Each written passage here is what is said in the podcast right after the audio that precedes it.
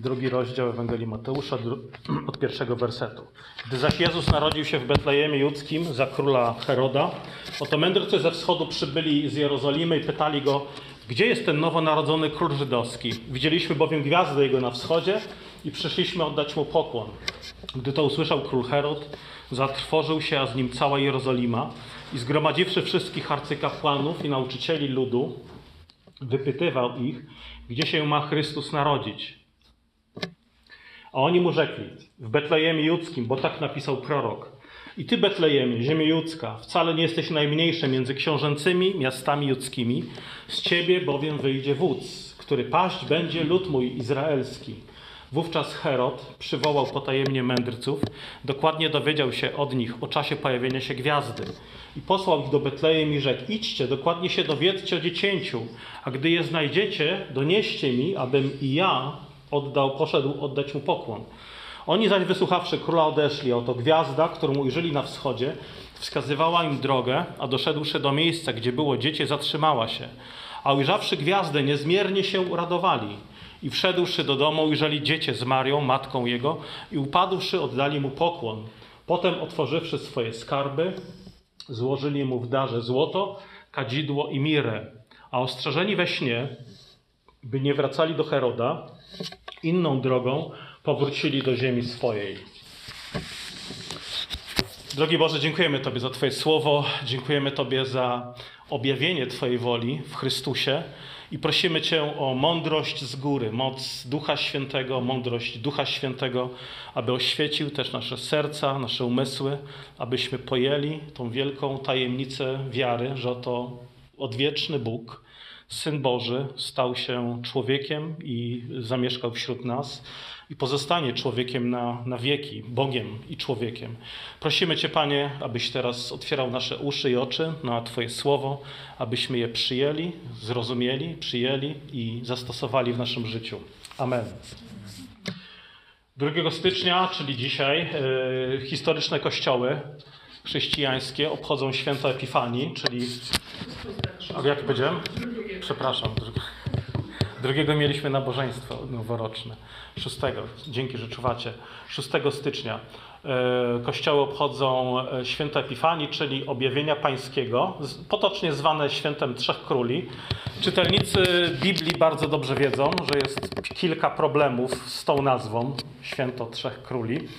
E, po pierwsze, całkiem możliwe, że że to byli królowie. Możliwe, tak nie przyczyny, że to byli władcy, królowie wschodnich ziem, ale musimy pamiętać, że Biblia mówi o mędrcach. Być może to byli jacyś przedstawiciele arystokracji. Myślę, że byli wysoko postawieni, ponieważ przyjeśli Jezusowi kosztowne i królewskie dary. W Ewangeliach są ukazani jako przeciwieństwo innego króla, Heroda, który był stanowczo wrogi wobec Jezusa i cały wydźwięk tego fragmentu oznajmia nam właśnie, że władcy, no mędrcy, ale to nie jest błąd, kiedy mówimy władcy, dalekich ziem przychodzą oddać pokłon największemu królowi, podczas gdy władcy, którzy znajdują się najbliżej, po prostu pozostają w swoich pałacach. Po drugie, jeśli chodzi o tę nazwę, Święto Trzech Króli, Pismo Święte nie podaje ich liczby. Wyciągamy wniosek, że było ich trzech, na podstawie ilości darów, które przynieśli złoto, kadzidło i mirę. Osobiście wolę myśleć, że było ich sześciu, po dwóch na każdą skrzynię. Chociaż to nie jest prawda wiary, ale kto wie, może ich było sześciu. Może te skrzynie rzeczywiście były na tyle ciężkie, że trzeba było po dwóch do każdej. Po trzecie, nie jest to ich święto. To jest święto Chrystusa, to jest święto chrystocentryczne. W centrum stoi Chrystus objawiony jako król przedstawicielom narodów. Czyli y, w centrum, pamiętajmy, nie są mędrcy. Oczywiście nie ma nic złego, że jest organizowany na przykład orszak trzech króli, że dzieci gdzieś tam się przebierają, albo dorośli. Za mędrców zakładają jakieś śmieszne płaszcze, czapki i tak dalej, korony. Okej, okay, to jest fajne, to jest fajna celebracja, ale pamiętajmy, w centrum nie są mędrcy, w centrum jest Chrystus. Yy, dlatego chociaż, tak jak wspomniałem, organizowanie na przykład korowodu Trzech Króli jest, myślę, dobrą, fajną, piękną tradycją, bo akcentuje też w przestrzeni publicznej, że to narodził się Chrystus Pan, to myślę, że na przykład w kontekście tej, tej, tej publicznej wymowy, czymś może nawet lepszym byłaby chociażby publiczna modlitwa właśnie przedstawicieli narodu, rządzących w geście poddania królowi królów na wzór mędrców. Po co w Biblii jest ta historia? Co ona w ogóle robi w Piśmie Świętym? Po co została napisana? Przede wszystkim nie jest to opowieść, która pojawia się w Piśmie Świętym bez żadnego związku z całą resztą e, treści, czy pisma, czy historii o Bożym Narodzeniu. To nie jest jakaś dawna historyjka o wędrówce mędrców, którzy, och, jak bardzo się poświęcili. No tak, poświęcili się, ale to nie, stano, nie, stoi w centrum, w sercu tej historii. Tu nie chodzi o to, że to jest piękna historyjka o poświęceniu mędrców, którzy e, przebyli długą drogę, żeby powitać Jezusa. Oczywistym zamiarem ewangelisty Mateusza jest ukazać nam, że Jezus Chrystus jest królem ponad narodami. On jest takim rodzajem króla, który otrzymuje należną cześć od możnych tego świata.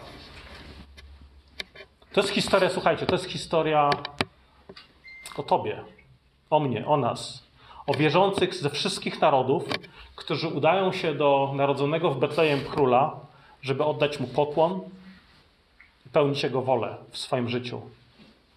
To jest też zapowiedź, to jest zapowiedź, że oto wszystkie narody, wszyscy władcy tego świata, wszystkie narody udadzą się do syna, tak jak psalm mówi, żeby oddać mu hołd i ucałować.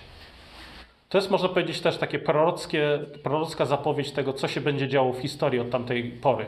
I zobaczcie, tak się dzieje, że powoli wieść o narodzeniu Chrystusa od czasu Betlejem dociera do wszystkich, do wszystkich narodów. Przedstawiciele narodów, nie tylko królowie, mam na myśli też nas, obywateli narodów, przybywają do Jezusa, aby oddać Mu hołd Apostoł Paweł naucza, że Bóg chce, żeby wszyscy ludzie zostali zbawieni i doszli do poznania prawdy. W liście do Tymoteusza, drugi rozdział.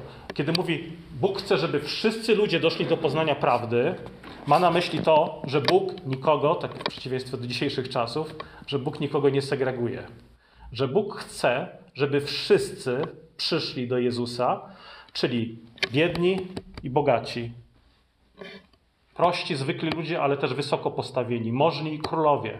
To dotyczy ludzi z wszystkich klas, narodów, języków i wszelkiego pochodzenia. I apostoł Paweł, zobaczcie, że praktykował to, co głosił.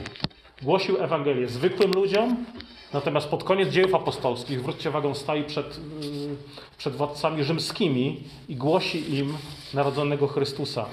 Czyli Bóg nakazuje każdemu królowi aby ucałował syna. Psalm drugi. Uznał jego autorytet nad sobą.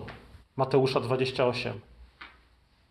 Mówiliśmy o tym na ostatnim kazaniu, że wezwanie, do, wezwanie, żeby ugiąć kolana przed Chrystusem, nie dotyczy tylko królów izraelskich, z narodu, z którego pochodził Chrystus. To dotyczy wszystkich królów. Że to nie jest tak, że możemy powiedzieć dzisiaj, ale nie, nie, my oddzielamy wiarę od y, rzeczywistości, wiarę nawet od polityki. Nie. Nie oddzielamy Chrystusa od świata, od rzeczywistości. Każdy rządzący na wzór mędrców zobowiązany jest, żeby udać się do Chrystusa Pana, oddać Mu hołd.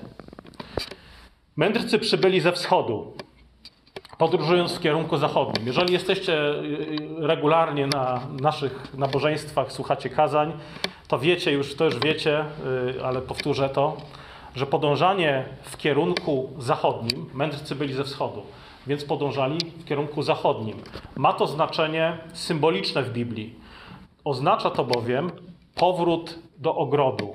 Powrót do ogrodu Eden, powrót do Bożego sanktuarium, miejsca, w którym człowiek spotykał się z Bogiem. Pamiętacie, Bóg wygnał po upadku Adama i Ewę z, z, Edenu. Nie bez przyczyny jest powiedziane w jakim kierunku? Na wschód na wschód od Edenu. I teraz zobaczcie, że Adam i Ewa, chcąc powrócić do Bożej obecności, do ogrodu, musieli iść w kierunku zachodnim. Jeszcze dalej na wschód czytamy, że oddalił się Kain. Jeszcze dalej na wschód od ziemi Aden, Eden. Lot po opuszczeniu Abrahama poszedł też, nie wiem czy zwróciliście uwagę, tam też powiedziałem, poszedł do Sodomy, która była na wschodzie. Podążanie na wschód to jest oddalanie się od Boga. Podążanie ku zachodowi to jest powrót do ogrodu, powrót do Bożej obecności. Podążanie na zachód oznacza powrót do Boga, na wschód oddalanie się od Boga. I ta symbolika jest widoczna naprawdę w wielu, w wielu miejscach Pisma Świętego. Abraham na przykład, jeszcze kilka przykładów, odbył wędrówkę ze wschodu na zachód, kiedy, kiedy udawał się do ziemi Ur Chaldejskiego. Do ziemi, którą Bóg mu obiecał. To była podróż ze wschodu na zachód. Jozue przekroczył Jordan ze wschodu na zachód i wprowadził Izrael do ziemi obiecanej, tak, podążając od tej strony wschodniej ku zachodowi. E, Izrael wracał z niewoli babilońskiej do swojej ziemi w kierunku zachodzącego słońca. Świątynia też, według, zobaczcie, świątynia była budowana według Bożej instrukcji. To nie była inwencja Salomona, to był Boży przepis, jak była budowana. W ten sposób, że bramę wejściową miała na wschodniej ścianie, tak żeby zbliżanie się do Boga odbywało się w kierunku zachodnim. Czyli kiedy ktoś wchodził do świątyni, to miało symboliczne znaczenie, oto wchodzimy do ogrodu. Ale najpierw oczywiście musieli zostać, tak jak pamiętacie, te cheruby ogniste, które stały u bram ogrodu Eden, strzegły miejsca do miejsca najświętszego. Weszli od strony wschodniej, ale musieli najpierw zostać posiekani i spaleni. I oczywiście nie działo się to z ludźmi, ale działo się to ze zwierzętami, które były rozcinane, a następnie spalane, żeby wierny Bogu czciciel mógł zbliżyć się do Boga. Czyli to jest historia powrotu do ogrodu Eden. I tutaj też mamy mędrców, którzy podróżują na zachód, udając się do Bożej obecności, do miejsca, i teraz zobaczcie, nie do murowanej świątyni. Udają się do Bożej obecności, do miejsca najświętszego, do Bożego sanktuarium, którym jest Jezus Chrystus, Syn Boży. I teraz zwróćcie uwagę dalej, co czytamy, że złożyli przed Jezusem dary. Kiedy przybyli do Jezusa, złożyli mu dary. Yy, owszem, Józef i Maria, pewnie też, pewnie oni to odebrali jako rodzice, może to spieniężyli, dzięki czemu mieli środki na utrzymanie. Nie wiemy, co zrobili yy, z tymi darami, złoto, kadzidło i mira, ale zwróćcie uwagę, tekst mówi nam, że złożyli dary Jezusowi. I teraz pytanie, no to nie jest pomyłka na pewno? Czy może się Mateusz pomylił, może, może sami mędrcy się pomylili, że jak to? Niemowlęciu? Przecież ono nawet nie było w stanie, podejrzewam, przynajmniej o tym czytamy, że wyciągnąć rączek w kierunku albo udźwignąć tych darów. Nie potrafiło prawdopodobnie, nie wiem, nie powiedziało, Jezus nie powiedział dziękuję. Yy, nikt nie myślał w takich kategoriach, no ale po co mi niemowlęci? Co te niemowlęta w ogóle wiedzą? Po co, po co w ogóle cokolwiek wobec nich robić? Dawać dary, dawać prezenty, yy, zabierać do kościoła, chrzcić, śpiewać im, mówić do. Po co to w ogóle, jaki to ma sens? No słuchajcie, na szczęście mędrcy jeszcze tych teorii nie znali. Jeszcze nie wiedzieli, że to wszystko jest bez sensu. Oczywiście żartuję, ale zwróćcie uwagę, że złożyli dary niemowlęciu. Najwidoczniej uznali, że niemowlę Jezus jest świadomym człowiekiem. I nie tylko, nie tylko przynieśli mu dary, czytamy, że przed nim złożyli pokłon. Dziecięciu Jezus. Nie złożyli pokłonu Marii i Józefowi. Czytamy, że oddali pokłon Jemu. I teraz znów, nie stwierdzili, że aha, pokłon Jezusowi oddamy dopiero wtedy, kiedy On dorośnie, kiedy nabierze świadomości tego, kim jest, kiedy rozpocznie swoją służbę jako dorosły mężczyzna, kiedy będzie mógł mówić i doceni ten gest oddania. Nie, niemowlęcy wiek Jezusa nie był dla nich problematyczny, żeby oddać mu, złożyć dary i oddać hołd. Uznali, że te komunikaty, te gesty, te prezenty wykonane albo złożone wobec małego Jezusa, one mają znaczenie.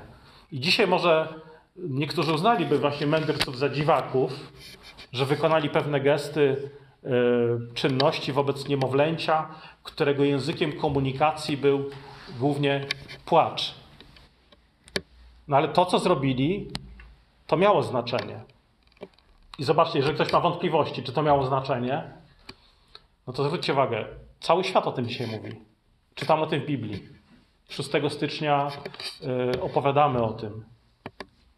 I każdy rodzic, każdy rodzic powie, że gesty, słowa, piosenki, uśmiechy wobec niemowląt mają znaczenie.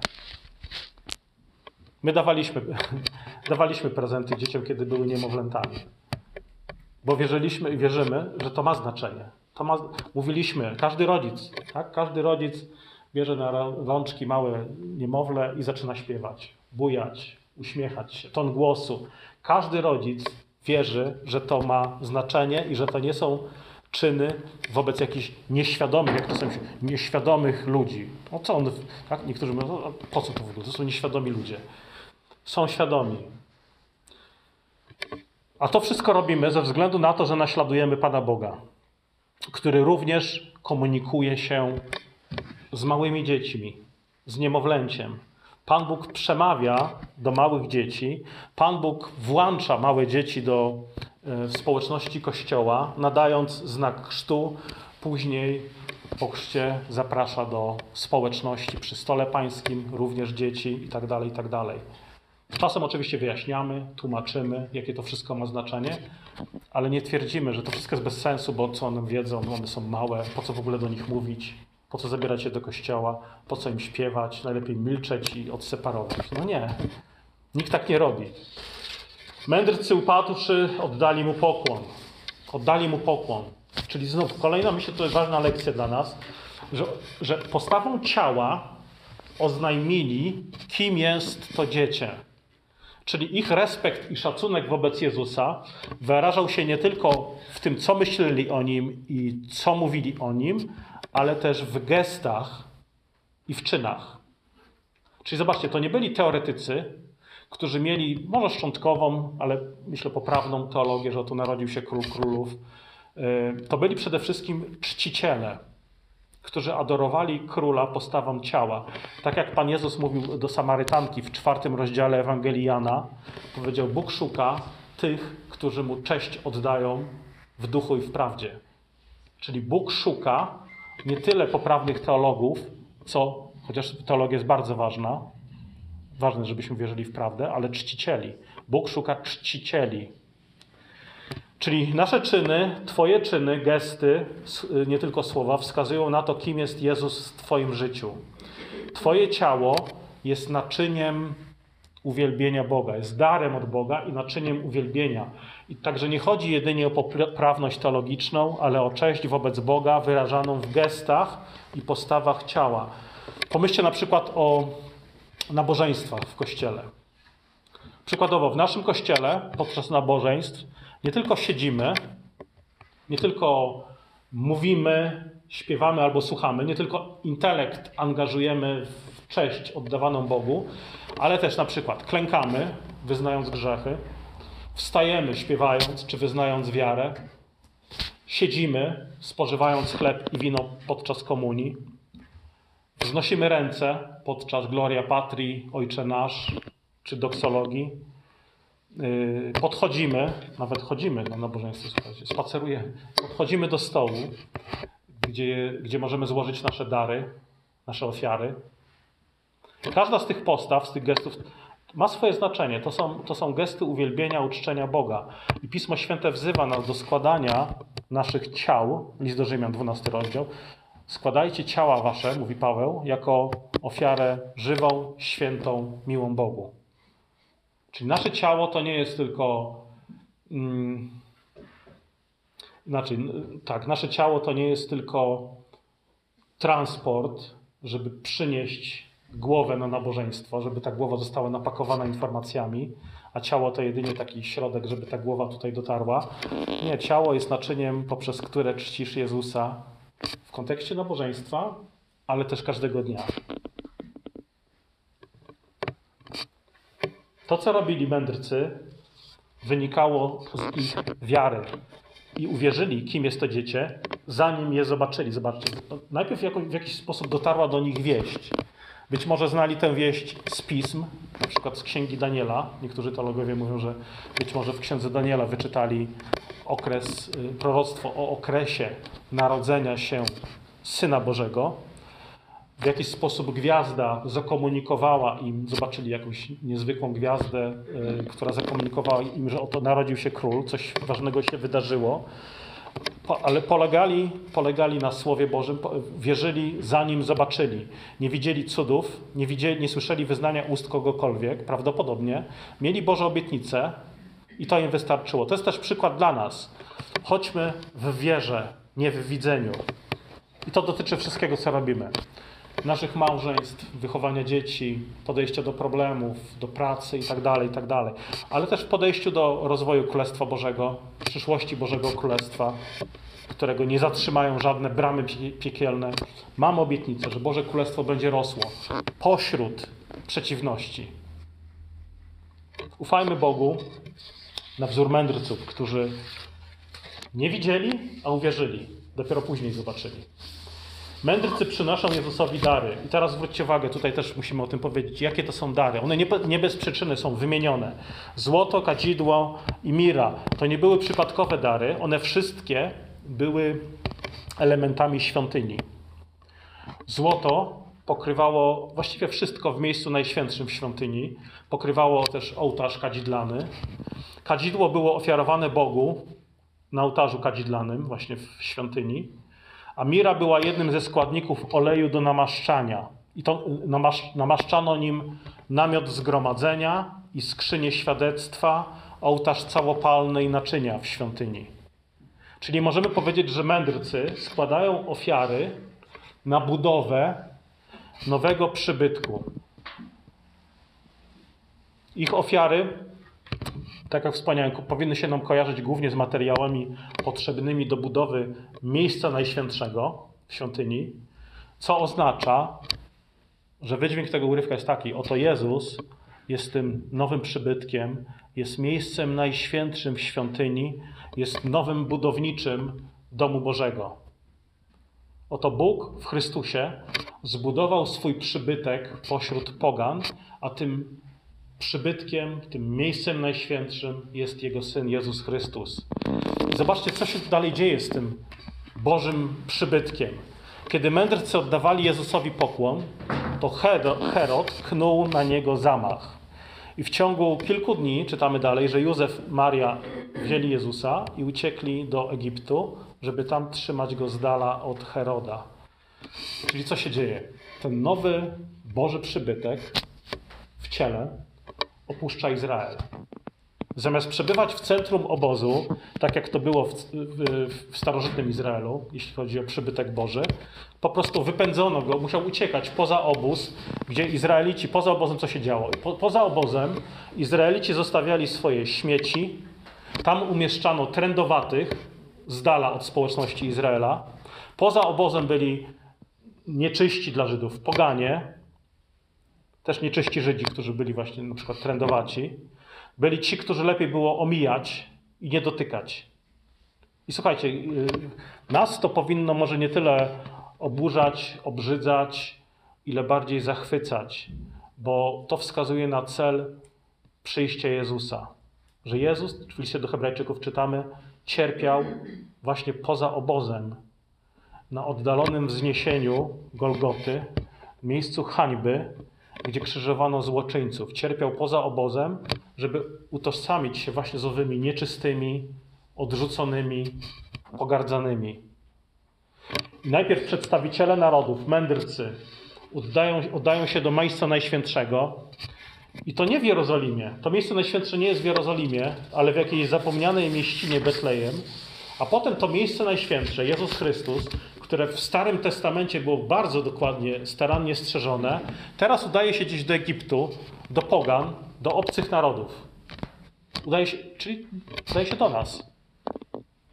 Czyli chcemy, jeżeli człowiek dzisiaj chce spotkać się z Bogiem w miejscu najświętszym, no to w Starym, w starym Przymierzu byś usłyszał, nie bądź śmieszny, nie ma mowy. Tylko arcykapłan może wejść do miejsca najświętszego, i to raz w roku.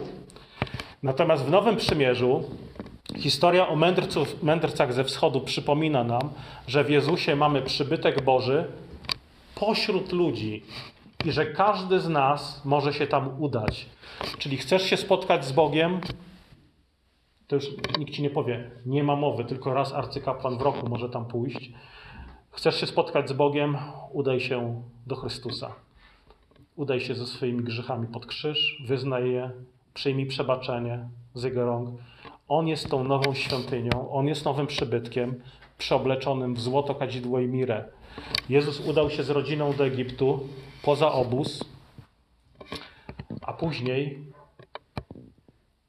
33 lata później, e, na Golgocie cierpiał też poza obozem za nasze grzechy. Właśnie tam musimy się udać do Niego. Poza obóz. Tam, gdzie są trendowaci, współcześni, współcześni trendowaci, grzesznicy, nieczyści, duchowo chorzy, musimy w końcu uznać, że chodzi o nas, że to my tacy jesteśmy, że On udał się tam poza obóz dla nas, bo my tam jesteśmy z naszymi winami, jako nieczyści i grzeszni. Poza obozem też jest stół pański. To jest najświętszy stół z najświętszym pokarmem dla, dla, dla nieczystych, którzy zostali uświęceni krwią Jezusa. Gdzie dzisiaj znajdują się złoto, kadzidło i mira? Biblia mówi też o tej symbolice. Mówi na przykład w Księdze Apokalipsy, że nasze modlitwy są przyrównane do kadzidła, które unosi się ku górze przed Boży Tron. Y, nasz chrzest jest olejkiem namaszczenia, którego składnikiem była mira. Natomiast my jesteśmy tymi złoconymi, uświęconymi, oczyszczonymi naczyniami, które powinniśmy składać Bogu z wdzięcznością. Historia mędrców poucza nas, że wobec Bożego Narodzenia nikt nie powinien przejść obojętnie. Mędrcy przybywający ze wschodu, no właśnie symbolizują wszystkie krańce ziemi, wszystkie narody, które zmierzają do Chrystusa oddać Mu pokłon. I słuchajcie, no my jesteśmy częścią tych narodów. Jako chrześcijanie przychodzimy do Chrystusa, przychodzimy każdego dnia w modlitwie, w naszym posłuszeństwie, przychodzimy każdej niedzieli, w Dzień Pański. Podobnie jak mędrcy, nie przychodzimy zwykle z pustymi rękoma, też przynosimy nasze dary, czyli złoto, w którym są nasze ofiary. Przynosimy kadzidło, w którym są nasze modlitwy. Przynosimy mirę, którą są nasze też bolączki, gorycz, czasami cierpienia. Także nie przychodzimy tylko, żeby brać, ale też, żeby dawać, żeby radośnie opowiadać o Chrystusie, obcować z Nim, biorąc udział w tym miłosnym dialogu na nabożeństwie. I ostatnia myśl. Skąd mędrcy wiedzieli, gdzie mają podążać? No oczywiście Bóg powiedział im to poprzez gwiazdę. W Starym Testamencie sam Chrystus nazywany jest gwiazdą Jakuba. Symbol gwiazdy to nie był symbol wzięty znikąd. On miał swoje korzenie w Starym Testamencie. W Księdze Liczb 24:17 czytamy: Widzę go lecz nie teraz, oglądam go lecz nie z bliska. Wzejdzie gwiazda z Jakuba, powstanie berło z Izraela i roztrzaska skronie Moabu, ciemię wszystkich synów Seta. To też to jest proroctwo, które też odnosi się do Chrystusa. Chrystus jest gwiazdą Jakuba, jest gwiazdą poranną, ale też to oznacza wezwanie, abyśmy też my świecili Jego światłem, żebyśmy my byli takimi gwiazdami, które wskazują, nie celebrytami, ale gwiazdami, które wskazują y, innym drogę do Jezusa. Ja wielu ludzi dobrze wie, że ktoś taki, no tak, tak, narodził się ktoś taki jak Jezus dwa tysiące lat temu. Ale wielu z nich, tak jak uczeni w piśmie, tak, tak, wiemy, że w Betlejem, idźcie tam do Betlejem, tak mówi proroctwo. I co zrobili? Zostali w miejscu. Wielu ludzi dzisiaj wie, tak jak mędrcy, tak uczeni w piśmie, nie mędrcy, tak uczeni w piśmie, że tak, w Betlejem narodził się Jezus, ale wolę pozostać w swoim miejscu. To jest wiedza tylko jakaś taka w sferze intelektualnej, bez wiary serca. Także my bądźmy takimi gwiazdami, które wskazują drogę do Jezusa, pokazując ludziom, jak trafić tam osobiście. Także zaprowadźmy ich tam do Jego stóp, by w pełni zachwytu i wdzięczności ofiarowali Jemu swoje życie. I my róbmy to też codziennie. Powierzajmy Mu swoje życie, żyjmy w posłuszeństwie Jego przykazaniom, bo to narodził się Chrystus Pan w mieście Dawidowym. Pomódlmy się. Drogi Ojcze, dziękujemy Tobie za, yy, za światło, które objawiło się w Chrystusie Panu.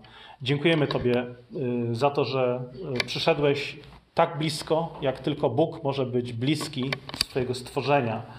Panie, Ty nie brzydziłeś się nami, naszy, naszy, naszymi nieprawościami, naszymi grzechami, ale przyszedłeś nie, żeby nimi nasiąknąć, ale żeby nas z nich oczyścić.